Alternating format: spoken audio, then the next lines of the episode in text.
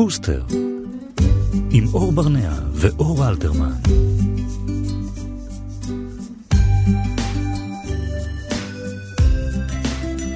שלום וצהריים טובים לכם, היום יום שני ואנחנו עם תוכנית נוספת של בוסטר כאן בכאן תרבות 104.9 ו-105.3 FM, צהריים טובים לך אור. צהריים טובים. בתוכנית שלנו היום הרבה מטרות חשובות. אנחנו נשוחח עם מיכל סלוני מוורייטי אה, על פרויקט מאוד מרשים של ילדי ורייטי שלומדים אה, לתכנת ולומדים את מקצועות המחשב. אה, נשוחח כאן גם עם היועצת המשפחתית קרן יטיב על מה לעשות כשהנכדים אה, לא אוהבים את סבא או את סבתא. Mm. נושא מאוד מאוד מאוד טעון שכל המשפחה צריכה להיות מעורבת בו כאשר הוא מתרחש. וגם גברת פלפלת המתרגמת. תתארח פה? הלוואי, הלוואי. היא בעצם פה בכיס שלי, בזמן שאני מדבר איתך, אה, היא והכפית שלה, אה, והמתרגמת דנה כספי תשוחח איתנו אה, עליה ועל מה חדש, תאמינו או לא, בקרבתה גברת פלפלת מטלי כהן ורז חסון הולכים ומפיקים את המשדר הזה. אלון מרקל הוא טכנאי השידור, אנחנו כאן ביחד עד השעה 4. אני, אתה יודע מה אחד הדברים הכי מבאסים בפייסבוק? ש- שזה פייסבוק? כן. שאני כותבת פוסט, אני מרמור על משהו, ואז אה, מלא אנשים לא זורמים איתי וכותבים שזה דווקא נחמד להם. זה מאוד מאוד מבאס אותי הסיפור הזה. אז אנחנו בשבוע האחרון חווינו, אני מצטערת, כן, אבל זה אחד הפחדים הגדולים של הורים לילדים שמתחילים בית ספר, ואני גם הופתעתי אה, כן. לגלות שזה קורה גם בגן. אני גם- אני בכלל לא ידעתי על הדבר זה הזה. הטקס הקרוי בית מארח. בואי בבקשה תסבירי או לאנשים חבר מארח. מה אוקיי. זה בית מארח, אה, כמו שהסבירו לי את זה ממש לפני כמה שבועות, בפעם לא. הראשונה בחיי. שלא לומר כמה שעות לפני שזה קרה. כן. אה, אז מה שקורה זה שהמורה מחליטה, היא מחלקת את הכיתה לקבוצות של חמישה ילדים, ואחד הילדים האלה צריך לארח את ארבעת הילדים האחרים אצלו בבית לפעילות אחר הצהריים. אה, שהמורה קובעת מי זה הילדים, זה בהכרח לא יהיו החברים שלו, כי המטרה היא זה לעשות חברים חדשים. שעד פה בסך הכל הכוונות הן טובות. זאת אומרת, לא- הכוונות אה, הן מאוד מאוד טובות. אה, זאת אומרת, זה, זה נכון לעשות את הדברים האלה, לחבר... ילדים שלא מכירים בתחילת השנה. עזבי, אני וש- מסתבך. כן, נכון. בבקשה. לא, בסדר, אתה אומר, זה נכון, הכוונות הן טובות, וברור לכולם אה, מה המחשבה שעומדת מאחורי זה. כן. אממה, מה קורה? מה קורה? קורה שבסופו של דבר יש פה חמישה ילדים, שהם לא חברים. ואין, ילדים, ילדים הרי מתחברים נורא באופן טבעי אחד לשני. לפעמים קצת צריך לעזור להם ולדחוף אותם, אבל בגדול, לתווך, מה שנקרא. כן, אבל בגדול הם כן מתחברים. עכשיו, אם הם לא חברים, כנראה שיש להם אה, סיבות טובות לזה שהם לא יתחברו. בדיוק כמו אנשים מבוגרים. נכון. אגב, נכון. אותו דבר. אז מוצאים את עצמם חמישה ילדים, שהם לא חברים, שמישהו קבע להם שהם צריכים לבלות עכשיו אחר צהריים ביחד, שעל מי נופלת כל האחריות אה, לבדר את חמשת הזאטוטים האלה? במקרה על הזה, ההורים. כן. על ההורים. כן. עכשיו, ההורים שגם ככה אה, כבר שרדו כמה שנים של playdate, שבהם צריכים אה, להכיל ילדים של אחרים, עכשיו פתאום צריכים להכיל חמישה. חמישה ילדים, שהם אפילו לא החברים של הילד שלהם או הילדה שלהם, להישמע לרצונותיהם, שנעים בין תקני לי, אפשר לעצור פה לקנות אה, קלפים של אה, סופרבול, סופרבול, סופרגול. טוב יש לי בת, סופרגול, אה, אני הולך הביתה,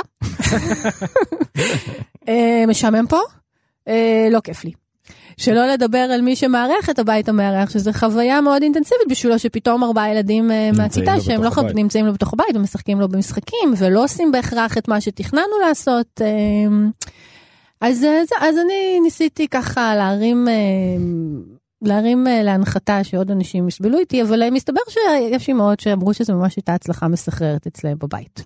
השאלה היא... אז רגע, אני ש- רוצה, אוקיי, אני רוצה בסדר, למנף את. זה, בגלל שאני בן אדם אופטימי כן. בטבעי בסך הכל, מהמם. אז אני רוצה רק, אז היו, היו, היו שם כמה רעיונות ממש נחמדים למה אפשר לעשות עם הילדים האלה. אוקיי. אז, והאמת שזה גם ממש מתאים אה, לעכשיו, אה, לכבוד אה, חנוכה. כי אז רגע בוא בוא נגיד רק דבר אחד כשאת אה, פעם ראשונה שיחח- שוחחנו על זה אז אני אמרתי מה הבעיה פשוט נזמין פיצה ושימי להם סרט נכון. אז זה לא הדברים האלה. נכון, לא, פיצה זה ממש בסדר, פיצה זה- סרט זה כן. לא בחוקים. כן. כן. אמ, אז ככה, אז אה, פעילויות שאפשר לעשות לבית מארח וגם בכלל, זה בכלל נחמד. אז אה, ככה, לקנות מטריות פלסטיק שקופות ולתת להם לצייר בחלק הפנימי עם טושים, כי אה, אם, מגניב. אם זה בחלק החיצוני, אה, זה מן הסתם יימחק. אגב, משהו שכבר אני נפלתי בו פעם אחת. אה, מישהי שאמרה שהם קנו, טוב, כמובן שבית מארח זו שע- שעתו היפה של אה, מקסטוק. אה, כי כמובן, כולנו כן. הולכות וקונות, אה, וכן, הולכות וקונות, כי לרוב זה אימהות מארגנות את הדברים האלה, אין מה לעשות. אז אה, כל ענייני היצירות נגיד שקשורות אה, לחנוכה. אם זה לעשות אה, סביבונים, ואם זה לקשט אה, כל מיני קדים. אה, ודברים כאלה. אה, הבנתי שאנחנו אמנם אה, הזמנו פיצה, אבל הבנתי שנגיד הכנת פיצה, זה פעילות מאוד פופולרית.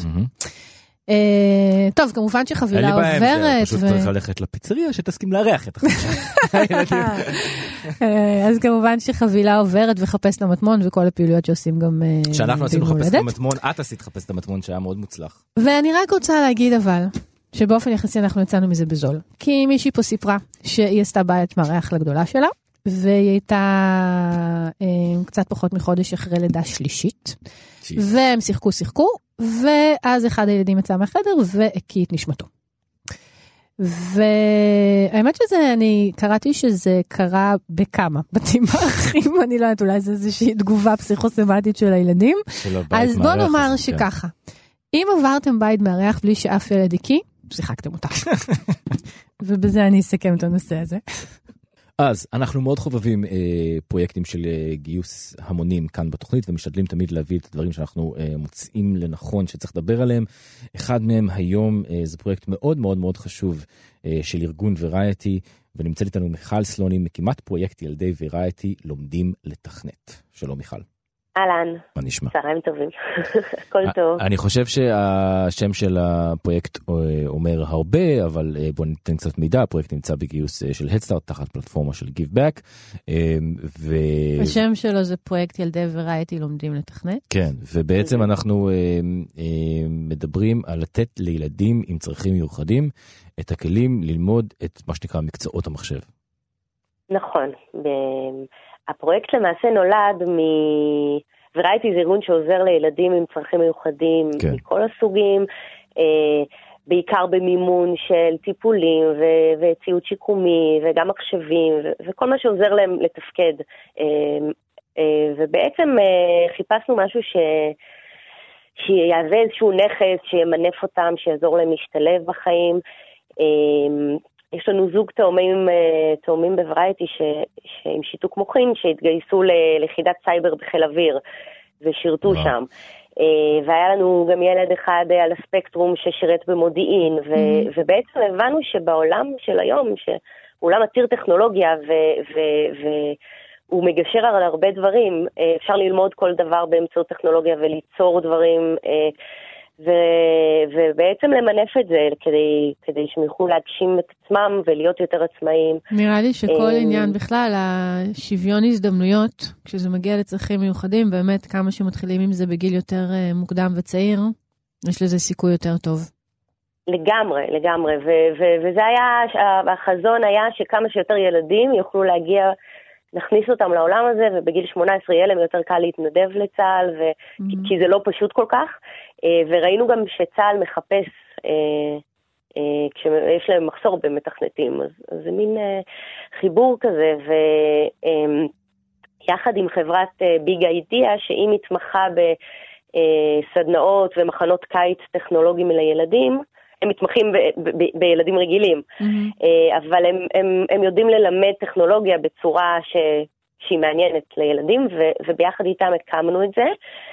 אה, זה היה מאוד לא, כלומר, באנו אליהם ואמרנו להם, אנחנו רוצים לעשות את זה אונליין, אה, שזה היה משהו שעוד עוד לא כל כך נעשה. שהרעיון זה- לעשות את זה אונליין, זהו, בגלל שהילדים, חלק גדול מהילדים ש... שאנחנו מטפלים בהם הם, הם לא כל כך ניידים, Mm. הם עם Mm. כיסא גלגלים, מאוד קשה להם להתנייד.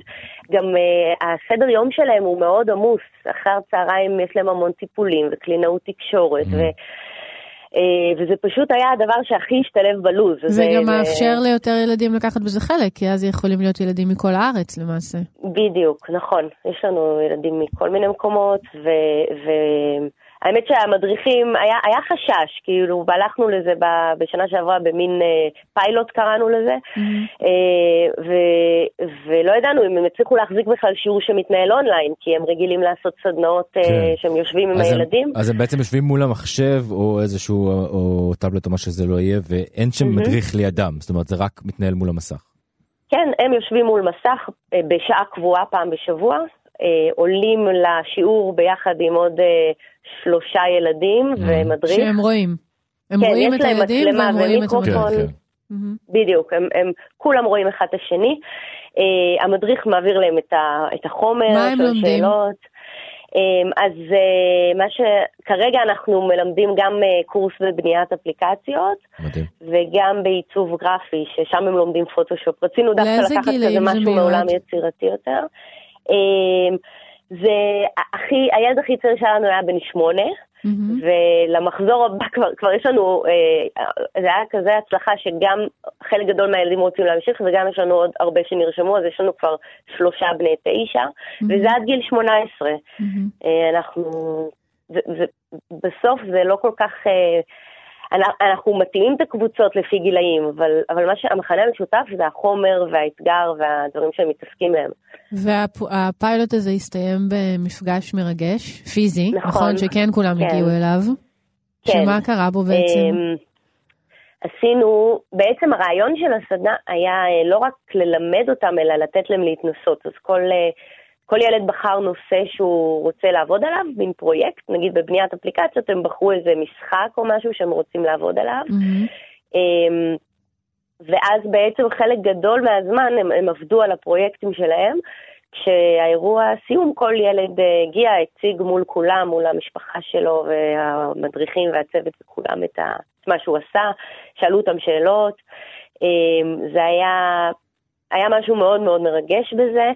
אמ, שלמעשה הם, הם, יש פה ילדים שמתמודדים עם המון קשיים, וגם חשוב לי לציין שכל ילד, היו לנו ילדים עם כל מיני uh, מוגבלויות וקשיים, וזה לא, וזה, והאמת שזה לא שינה, כאילו חשבנו גם על זה, ש, אבל, אבל הם איכשהו התחברו מהנושא של, ה, של החומר, um, וכל ילד הציג את הפרויקט שלו ואת האתגר שהוא התמודד איתו, וקצת uh, איך הוא התמודד איתו, mm-hmm. ו- ומה הוא יצר, ו- וזה היה פשוט, אני הסתכלתי על, ה- על ההורים, ו- והיה, מעבר להתרגשות הגדולה, אני חושבת שאפילו הם קצת ראו את הילדים באור אחר, כי פתאום הילד מדבר על משהו שהוא עשה לבד, ו- וזה נורא מעצים. והילדים, וח- הם נשארו בקשר? כן, חלק מהם, האמת שזה גם היה משהו מאוד נחמד, שהאינטראקציה החברתית שנוצרה בקבוצות.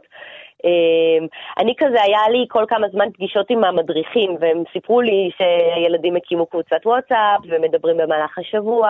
מדהים. אמ, הם עוזרים אחד לשני, כי הם היו מתייעצים אחד עם השני, זה היה, זה היה מאוד מוצלח.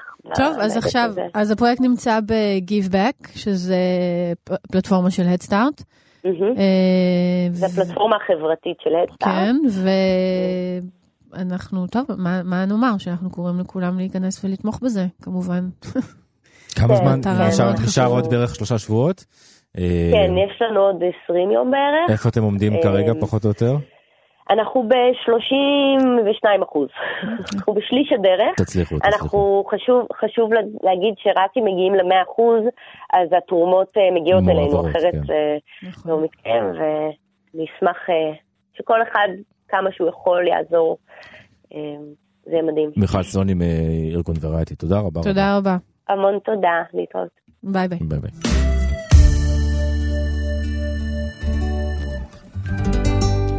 אני מרגיש שאני מתלונן כל הזמן לגבי הקשיים שלי היו אה, בילדות בתור ילד, ואני רוצה רגע לעצור, כי כן. זה מרגיש יותר מדי. אה, לי היו אישוז עם אה, להגיע לסבא וסבתא שלי בילדותי. לא אהבתי את זה.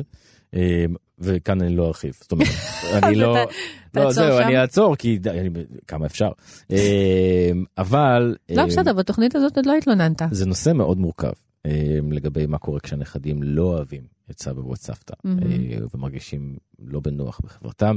אה, ונמצאת איתנו קרן יתיב, יועצת משפחתית ויועצת בגנים, אה, בעלת הפיל הצבעוני, המרכז להורות המשפחה.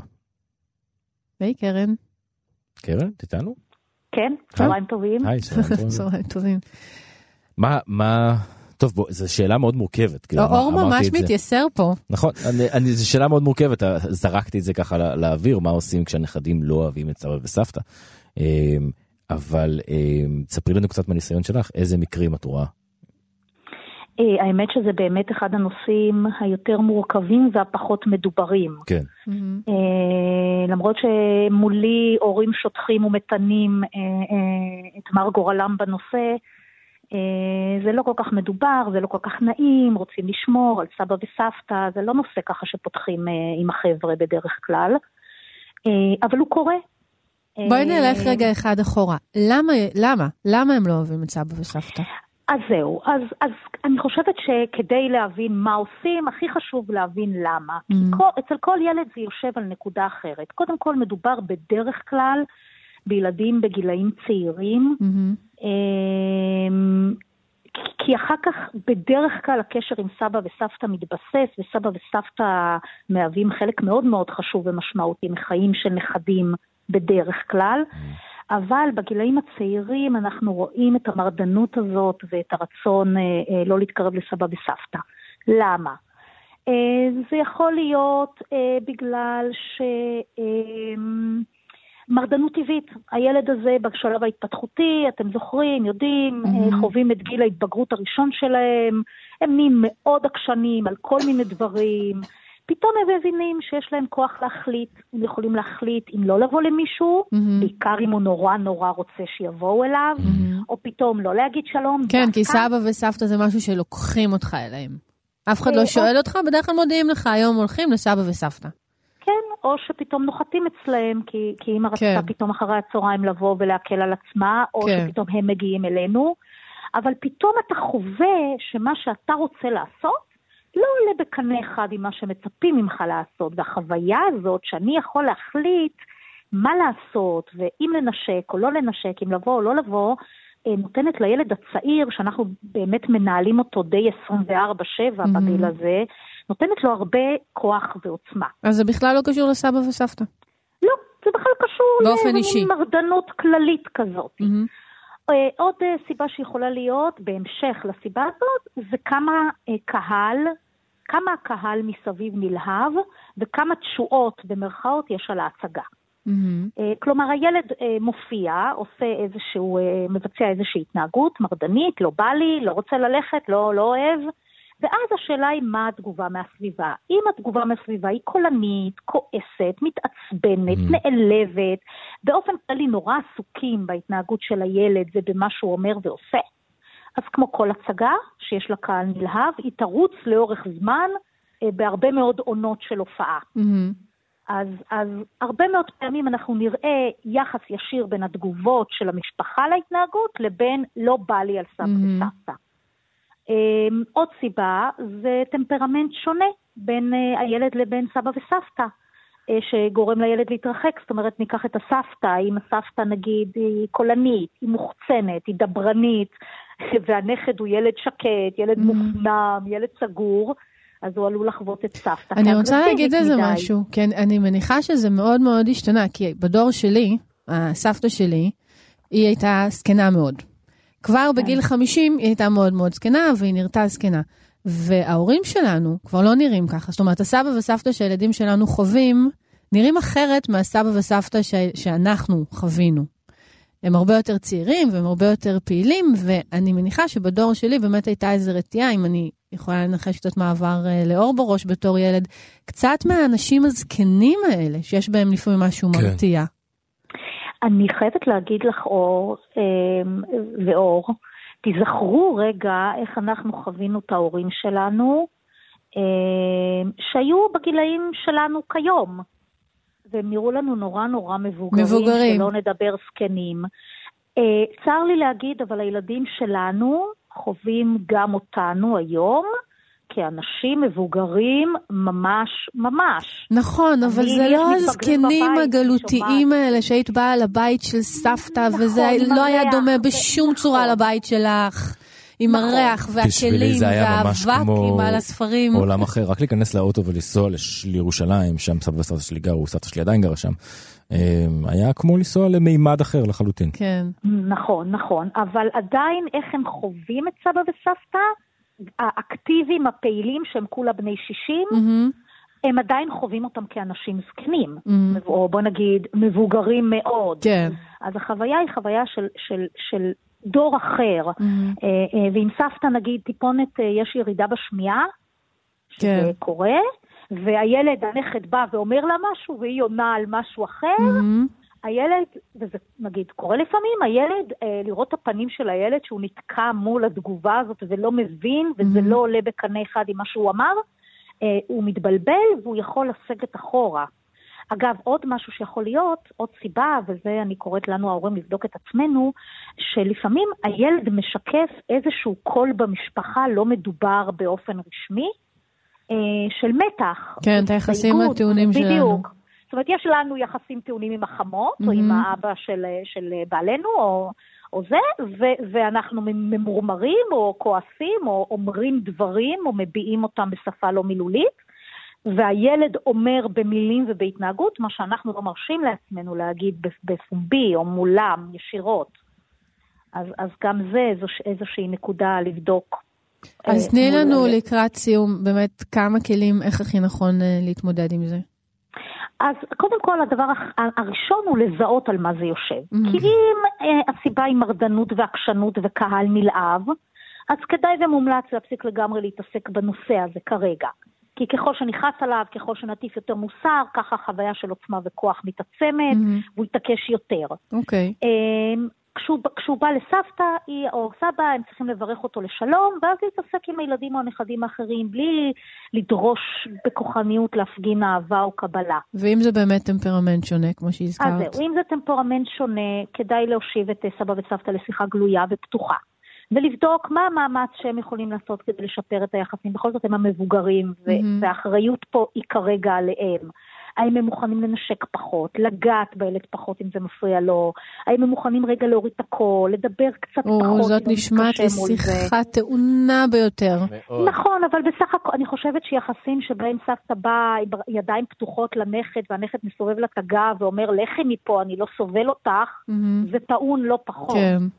אז, אז יכול להיות ששיחה כזאת של בואו נתגייס ביחד לראות איך אנחנו משפרים את המצב, לא ממקום של ביקורת, אלא מקום של שיפור כן. ואכפתיות, אה, יכול אה, מאוד לקדם. ושימו לב מהמם. מה אנחנו, אה, בואו נשים לב מה אנחנו משדרים מול סבא וסבתא. כן. אם אנחנו שמחים, מנומסים, דיבים, אוהבים מולם, אז זה מדבק, זה כמו פיוק, Mhm. זה ידבק, והילד בסוף ידבק בזה. כן. אה, טוב. אלו הדברים. כן, ללא ספק. מאמץ אה, משפחתי אה, שצריכים כן, לקחת פה מול בדיוק. הסבא והסבתא. תודה. רבה רבה על הדברים תודה האלה. רבה. תודה. ביי ביי. בוסטר, עם אור ברנע ואור אלתרמן. שלום רז חסון, אני חייב להגיד שאני מאוד מאוכזב שהיום מזה לא הגעת לתוכנית, כי היה לנו פה אה, אה, לא עוגיות טבעוניות כמו שאתה אוהב, אבל אה, עוגה קטנה טבעונית. טוב, אז חברים אמיתיים, אתה יודע, לא מספרים שהייתה להם עוגה בשבילך, הם אומרים, עדיין שמרנו לך עוגה בשבילך, אז בוא, תעלה, תאכל. רז, אני לא חבר אמיתי. אתה מבין? לא זה, אתה בא לחדש לי, פשוט אל תנסה להונות את אה, קהל המאזינים שלנו באכפתיות המזויפת הזאת, עזוב. מה נשמע? בסדר, מה קורה? יופי, הכל טוב. תקשיב, יש כן. פה איזשהו עניין מטריד. בבקשה. אני, אה, אב, אנחנו כל הזמן מדברים על זה, כן. מבחינת ה counter, כמה זמן כבר אה, בפזם רץ. עוד מעט חצי שנה, זה ממש קורה עוד מעט, זה עוד משהו כמו חמישה ימים. כן, יפה, אוקיי. קודם כל מזל טוב. תודה, אה, תודה רבה. אומנם זה לא משהו שנהוג לחגוג, זה כן ציון דרך משמעותי ואני אני מבין את ליבך. בוא נגיד ככה, זה שאני מדבר איתך ואני עדיין בקו השפיות, אז זה כבר משהו. נכון. אתה יודע, ככה מודדים את ההצלחה בסך הכל. אז חצי שנה עברה, ואני עדיין מתפקד באופן יחסי, כבן אדם, כאיזשהו אורגניזם חי, בלי מחלות והתפרצויות, אז נראה לי כן. שבינתיים בינתיים זה בסדר. עכשיו העניין הוא כזה, אנחנו חיים בבית אה, לא לבד. זאת אומרת, יש את אה, אשתי, יש אותי, יש את הקטנצ'יק שהצטרף אלינו, אבל יש עוד מי שהן אה, ש, שחיות איתנו בבית עוד לפניו, זאת אומרת, וזאת הכלבה מישמיש ושתי החתולות נמש וג'וי. אוקיי. עכשיו, בכל ה... אתה יודע, בכל הסרטים ובכל הסדרות ומלא יוטיובים, אתה רואה תינוקות שוכבים על גולדנים ששומרים עליהם, ובאמת, חוץ מלחתל אותם, עושים הכל. ואני לא יודע איך זה אצלכם, אבל אני חושב ש... שאצלי משהו שם לא, לא עבד כמו שצריך. כי מה? כי הן כולן לא מכירות בו. הן לא מתייחסות אליו בכלל, בשום צורה.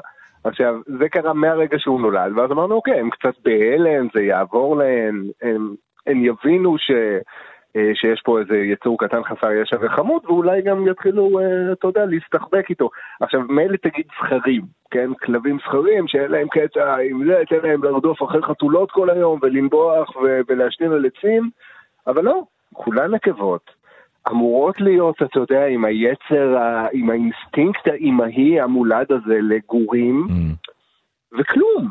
הן פשוט מתעלמות ממנו בצורה מוחלטת. עכשיו, לאחרונה, בחודשים האחרונים, הוא התחיל כבר להסתכל עליהם ולהיגנב מזה שיש יצורים קטנים ופרוותיים בבית, והוא הוא ממש מגלה סימני התלהבות כשהוא רואה אותן, אה, לא יודע, אוכלות, שותות, זזות וכולי. כן. והן פשוט דופקות לו מבט של כאילו, שחרר אותי, כאילו, אז אה, look away, ו, ולא משנה אה, כמה הוא מנסה לקרוא להן, להראות שהוא נורא רוצה להיות חבר. זה לא קורה. ואני תוהה מה הסיפור הזה, האם סתם אימצנו בעלי חיים כי היינו בטוחים שמישהו, אתה יודע, אה, יעסיק אותו ויתעסק איתו, ועכשיו יוצא שאנחנו פשוט מטפלים בארבעה ילדים, ששלושה מהם לפחות שונאים אחד ספציפי. אוקיי, אז מה אני עושה עם זה? איך זה אצלכם? גם לכם יש כזה. נכון, לנו יש אה, היום שני כלבים, שכשהילדה הראשונה שלנו נולדה, היו לנו שני כלבים, אחד מהם אה, לא הכלב שיש איתנו עכשיו. וקיבלנו כל מיני טיפים ועצות. אה, אני לא יודע אם אתם עברתם את התהליך הזה, אבל יש איזשהו אה, דבר כזה שאומרים שכשהילד אה, נולד בבית חולים, אז אם, כן. אם אה, הילד או הילדה, אז יש כמה ימים עד שחוזרים הביתה, לוקחים את החיתול בד שיש אה, במיטה או ב- אה, איפה שהתינוק הקטן שוכב, אה, ומביאים את זה הביתה לפני שמביאים את התינוק הביתה בשביל לתת לכלבים להריח. אוקיי, להכין אותם לבואו, לבואו של הזה. עכשיו, לא יודע, עשיתי את זה כי הייתי אבא פעם הראשונה. ו... מה- האמנת בלוקש. בדיוק. אמ, אני חושב שאני איני מומחה, כן, אבל אני חושב שכלבים וחתולים וחיות מבינות היטב שברגע ש... אמ, כאילו, הן קולטות תחושות של, אה, זה מעבר לזה שהן מרגישות שיש משהו חדש בבית, הן מרגישות שגם הן במקום השני. אמ, אחרי שהם אולי, הוא לא יודע אם היו במקום הראשון, אבל הם היו במקום טוב יותר לפני שהדבר החדש הזה אה, הגיע. והם לא כל כך אוהבים את זה. וזה, יש אופי, כי לנו יש כלבה חדשה יחסית שאני לא אוהב. למה? ו- בקטע של יחס גורר יחס? היא לא שמה על הילדים? לא? היא, זה העניין, שהיא כלבה, היא גורה יחסית, והיא מוטרפת על כל השכל. אמ, היא נשמע שלא יכולתם לאמץ כלב מתאים יותר. לא מפסיקה להשתולל וללקק ולנבוח ולרוץ בכל הבית ולהסריח ולמרר את חיינו. אבל הילדים מתים עליה. אה, הם משחקים, כשהם משחקים איתה זה כמו שחבורה של גורים בספר הג'ונגל משחקת יחד. אה, זה אמ, משהו ששווה לסבול בשביל. כן. אמ, אז אמ, אני, חתולים אני חושב שהם, אין לנו ספציפית, אבל אצל חברים באמת זה, זה משימה קשה. אני, אני לא חושב שחיות כל כך מודות לנו על כך, על זה שהבאנו ילדים לעולם הזה. הם, ממש... אה, מאוד, אה, מאוד אה, נהנות מ, מהמקום שלהם מבלי עוד תוסף, תוסף, תוספים, אני חושב. ואני אני לא יודע, אתה תראה אבל שכשהבן שלך יגדל אתה אומר שהוא כבר מתחיל להסתכל ו... אמ, ולבחון. כן, הוא כבר ו- מתחיל להתעניין כן. ולהבין שיש פה איזושהי אטרקציה שהיא לא בני אדם, ושזה מגניב אותו, כי זה כן. כמו הדובים האלה שיש לו, אבל הם זזים, נכון. וזה מדהים.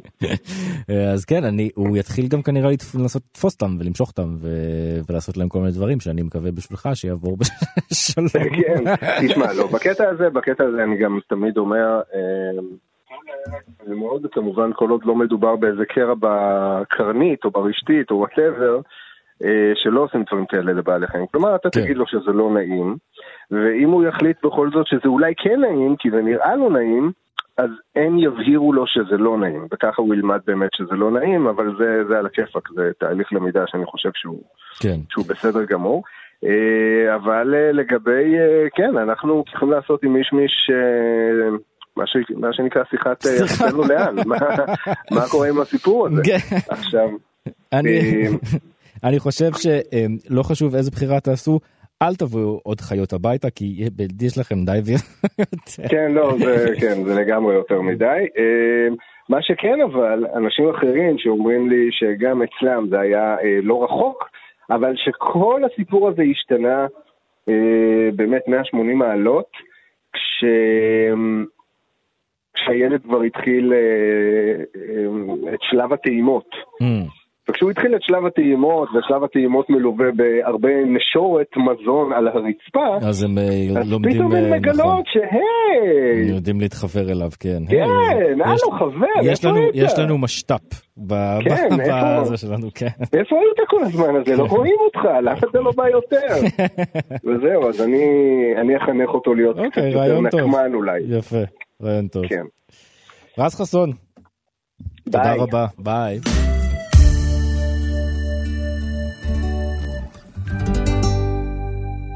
הרבה מאיתנו זוכרים את הסדרה הזו מהטלוויזיה אה, כשהיינו קטנים, או לפחות אנשים שהם בגילנו, אה, שהם היו קטנים, אני מדבר על גברת פלפלת. אישה ישר קטנה. בא לי לשיר את זה, זה נכון, פשוט מדהים. נכון, הש- אה, בקולה של חני נחמיאס היה השיר הזה כן? שהתנגן בטלוויזיה שלנו, האישה הקטנה עם כפית גדולה, נכון? היא הייתה? בגודל כפית. היא הייתה בגודל כפית, כן. כזה, אתה- כל כל הדבר האחר- האחרים היו מאוד אבל גדולים. נכון, לא, נכון, יש לי איזו תחושה שבאמת היא הייתה, כאילו, הכפית הייתה יותר גדולה ממנה. ממנה פתאום. אה, לקחת אותי אחורה. הסיפור עצמו הוא סיפור מאוד יפה, אה, ונמצאת איתנו דנה כספי, אה, שתרגמה לראשונה את הספר של אה, גברת פלפלת, אישה בגודל כפית. שלום. שלום, צהריים טובים. אז בואי באמת, דנה, עבור מי שפחות מכיר את הסיפור, זה לא יכול להיות. אה, הוא- את האישה הקטנה, אבל בואי רגע נרד לעומק העלילה. אה, על, על אה, חייה של האישה הקטנה הזאת, וספרי לנו באמת אה, במילותייך. איך היא נולדה? איך היא נולדה? אני לא יודעת. היא נולדה אבל... אה, ספרותית, ספרותית, איך היא נולדה. ספרותית, כן. זהו, זה באמת יוצא דופן, כי אנחנו מכירים הרבה מהקלאסיקות הסקנדינביות דרך הטלוויזיה, אבל מודעים למקור הספרותי שלהם. וזה סיפור קצת שונה, כי באמת אה, רוב, רוב הישראלים על כל פנים מתייחסים אליה כאל אה, דמות אנים יפנית בכלל. Mm, ובעצם, ה... כי זו סדרה יפנית, כמו, כמו הרבה כן, מהסדרות. אני באמת מודה שגיליתי עכשיו שיצא הספר בעברית. אני, זה ממש הפתיע אותי שיש ספר. נכון, ואת לא היחידה. כלומר, אה, זה באמת, זה מאוד משמח אותי שאני יכולה להפתיע ממש בדבר כזה, ועוד אה, לא רק שהיא לא יפנית, אלא היא בכלל נורבגית. נורבגית. והיא נולדה ב- בראשו של אה, אה, איש, אה, כלומר הוא אמן רב-תחומי בשם אלף פרייסן, ש- מהמם.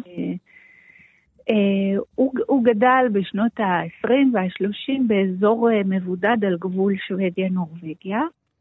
וכשהוא התחיל לכתוב, אה, כלומר הוא תמיד אה, נמשך לפולקלור, לשירי עם, אה, מוזיקה עממית, הוא צייר ועסק בתיאטרון, באמת איש אשכולות, אבל המשיכה שלו תמיד הייתה לעממי, ל- וגם לנוסטלגי.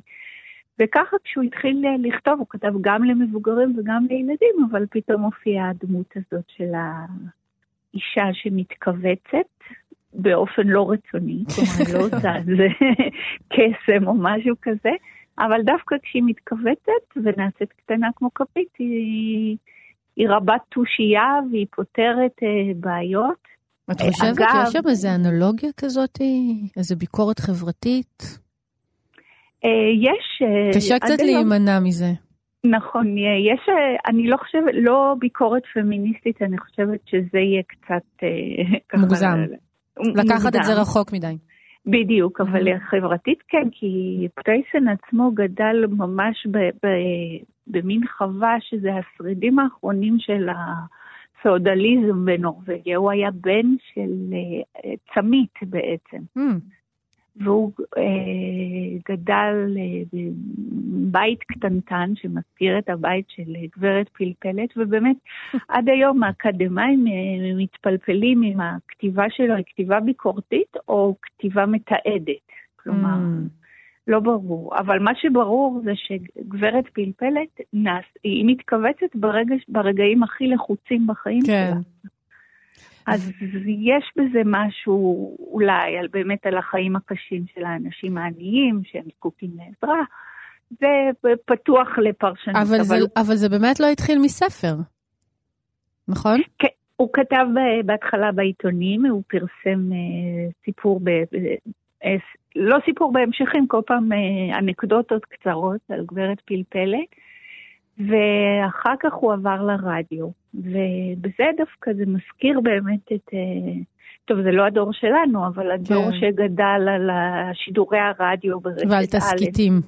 בדיוק, על. התסכיתים, וזה היה מאוד מאוד פופולרי בנורבגיה. כל הילדים אה, הקשיבו בשבת או ראשון, כרגע אני לא זוכרת, מהמם. לתוכניות האלה, ובאמת שם הוא התחיל אה, לספר, אה, כלומר שם היא צברה תאוצה, סיפר אה, כל פעם סיפור אחר עליה, כלומר יש, אני חושבת, מכל, יש עליה, יש לפחות עשרה ספרים עם גברת פלפלת. מהמם. ורק אחד מהם זה ממש ספר עם עלילה, עם התחלה. אז למה רק, כל- למה רק עכשיו, הרי הסדרה באמת הייתה להיט, למה רק עכשיו זה תורגם? אה, זה אה, פוליטיקה. עניין של שאלה מעולה, לא צריך להפנות להוצאות כן. אבל אה, אני כל ה... אני מורידה את הכובע בפני יותם שווימר מ- Mhm. מהוצאת תלמי, שהוציאה את הספר, שבאמת אה, נאבק להשיג את הזכויות. זה לא היה פשוט. אה, Mm. זה עניינים שלא פחות מעניינים את הציבור הרחב, אבל לא, לא היה קל. אז נפנה לרכילות, שבעצם לא קוראים לו בכלל גברת פלפלת. נכון. אה, לאף דמות ב- בסיפורים אין שם בעצם. השם ה... היא מתוארת כל הספר כאשת הכפית, וזה אפילו לא אשת, אלא שוב, מילה שהיא כמעט אה, פולקלוריסטית בנורבגית, שהיא... זה מין... תראי, אני, זהו, אני שברתי את הראש כל זמן העבודה, לא מצאתי מקבילה, אבל זה, זה אישו, אישה במובן ה... הנמוך מבחינה חברתית, כלומר... תגידי יש- לנו, מה, את יכולה להגיד לנו את המילה במקור? כן, זה שיירינג. Mm, וזה, תראי, ב- ב- בשפה המדוברת היום אומרים, אה, the miss, זה כמו the misses, אבל אה, אין לזה מקבילה, והיא נשארה גברת פלפלת שוב משיקולי... אה, אבל איך היא היא נהייתה גברת פלפלת כי היא נשואה למר פלפל? ושוב, זה שני, שני, שני השמות היחידים שנאלצתי להשאיר מסדרת הטלוויזיה, כי בספר הוא מתואר כבעלה, קוראים לו בעלה. עכשיו, אמרנו זה לא טקסט פמיניסטי, אבל לקרוא לדמות בספר ילדים בעלה, בעלה. זה היה, אני חושבת, זה מק- מ- אה, כל הפמיניסטיות היו מזדעקות, ובצדק, כי יש בזה משהו מאוד צורם. אז גברת פלפלת זה המצאה ישראלית? רק בארץ קוראים לה ככה? לא, לא. היא עברה, היא הגיעה אלינו דרך האנגלית. הספרים כן תורגמו לאנגלית, הם מהמם. דווקא די הצליחו, ב, כלומר, בארצות דוברות אנגלית היא כן מוכרת כדמות ספרותית, ושם קראו לה מיסיס פפר פוט. אה, ואני חייב להגיד אבל שגברת כפית זה גם שם מצוין זה חמוד. מאוד. כן. כן. זה, כן. תראי, כמו הוויכוח האינסופי על בילבי ופיפי. מהמם. כלומר, יש איזה שמות שמתקבעים, ואחר כך עם כל, עם כל הרצון לשמור על דיוק בתר, בתרגומים החדשים, אנחנו מקפידים על אה, נכון, אז נספר היא- באמת אה, למאזינים שלנו, למי שלא יודע, שאת באמת אה, מתרגמת את רוב, אם לא את כל, הספרות הסקנדינבית, כן. ש- לא הכל. אבל אה, הרבה מאוד. הרבה ממנה. והרבה ממנה, מה שהילדים שלנו מכירים, שזה בילבי, וכמובן המומינים האהובים, והחיים המאושרים שלי. אז בעצם תמיד יש לי תחושה ככה שאני, אני, זה, זה, את יודעת, אני כל באמת כסף וזה ספרים שמאוד מאוד אהובים אצלנו בבית, וכל פעם שאני פותחת אותם ואני רואה שם את שמך, ותמיד יש לי תחושה שאת בטח אה, מין, כאילו, זה לחיות בארץ, אבל את מין חצי חיה גם בסקנדינביה כל הזמן, ב, נכון. בעלילות ובספרים שאת uh, עוסקת בהם. לגמרי, לגמרי. אני בהלם תרבותי כל פעם כשאני יוצאת מהבית. שאגב, החי... אבל וגם חיית שם, נכון? כן, כן. ואני, כלומר, אה, יש לי משפחה שם עכשיו אה, וכולי, אבל אה, בעיקרון, כלומר, בשביל לתרגם לעברית צריך דווקא להיות מוקפים בעברית. מהמם. אבל כן, אני, אני עוסקת בזה הרבה, גם... ואת מתרגמת גם למבוגרים, ספרי מבוגרים. כן, כן. מה. איפה, איפה ההבדלים מבחינתך בין לתרגם ספרי מבוגרים לילדים? אמ, קודם כל, דבר ראשון שדיברנו עליו זה נאמנות למקור, אז באמת בספרות מבוגרים היא, היא מוחלטת. כלומר, אני לא עושה הנחות ו- ולא מתייחסת ל... במקרה הכי גרוע אני מכניסה הערה בתחתית הדף להסביר משהו, אבל אני לא עושה שום אה, ביות של, ה... של המונחים ש... שלילדים לפעמים צריך. כלומר, באמת הנגישות היא גורם הרבה יותר חשוב, ובמיוחד נגישות של תרבויות שפחות מכירים פה. כלומר, אה, אז עושים יותר הנחות אה, ועיבודים לדברים שהילדים יכולים להתחבר אליהם, שזה לא יהיה להם נורא נורא זר. נכון, גם ב- באופן מינימלי. ב- בעיקרון אני בעד האקזוטיקה, וגם אני חושבת שילדים מעריכים אותה. הם לא, כל דבר שהם לא מבינים מיד, ישר נרתעים ממנו, להפך. אה, וכמובן, אה, ספרות ילדים זה הרבה פעמים כן חוויה עם ההורים. כלומר, Mhm. ההורים יכולים להסביר מה זה חג המולד, מה זה פה, מה זה שם, כן. אבל זה לא... אבל אה, יש כמובן יותר התעסקות ב, ב, בתקשורת עם הילד, כלומר בעצם שאני מנסה, ניסיתי הרבה, בתקופת בילבי ניסיתי על הבת שלי לראות מה מדבר אליה, אה. מה לא, כל מיני שיקולים, אה, שיקולים אה, קצת שונים. אבל בכל מקרה, גם לילדים וגם למבוגרים זה להביא כמה שיותר מתרבות לא מוכרת. כן, ותרבויות חן קסומות. טוב, גברת פלפלת, אני מחזיקה פה ביד את הספר והעטיפה שלו גם פשוט יפה. מקסימה, מקסימה. אה, אז, וזה כיף, וזה גם תמיד כיף לנו בתור הורים לקרוא לילדים שלנו דברים שאנחנו גדלנו מכיר- עליהם. מכירים גם. כן. למרות נכון. שהסיפורים הם שונים, נכון? זה לא כמו בסדרה. אבל זה נותן לנו את המין תחושה הזאת, תן לי לספר לך על גברת פלפלת.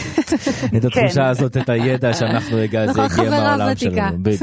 מה שיפה זה שבאמת יש המון שכבות של נוסטלגיה, כלומר, כי גם כשפרויסן כתב את הספר, הוא היה נוסטלגי לשנות הילדות שלו, הוא כתב את זה Mhm. בשנות החמישים, אז יש את הנוסטלגיה הזאת, יש את הנוסטלגיה שלנו, שלנו. של, לסדרה, וזה מעורר הרבה. טוב, דנה כספי, תודה רבה רבה.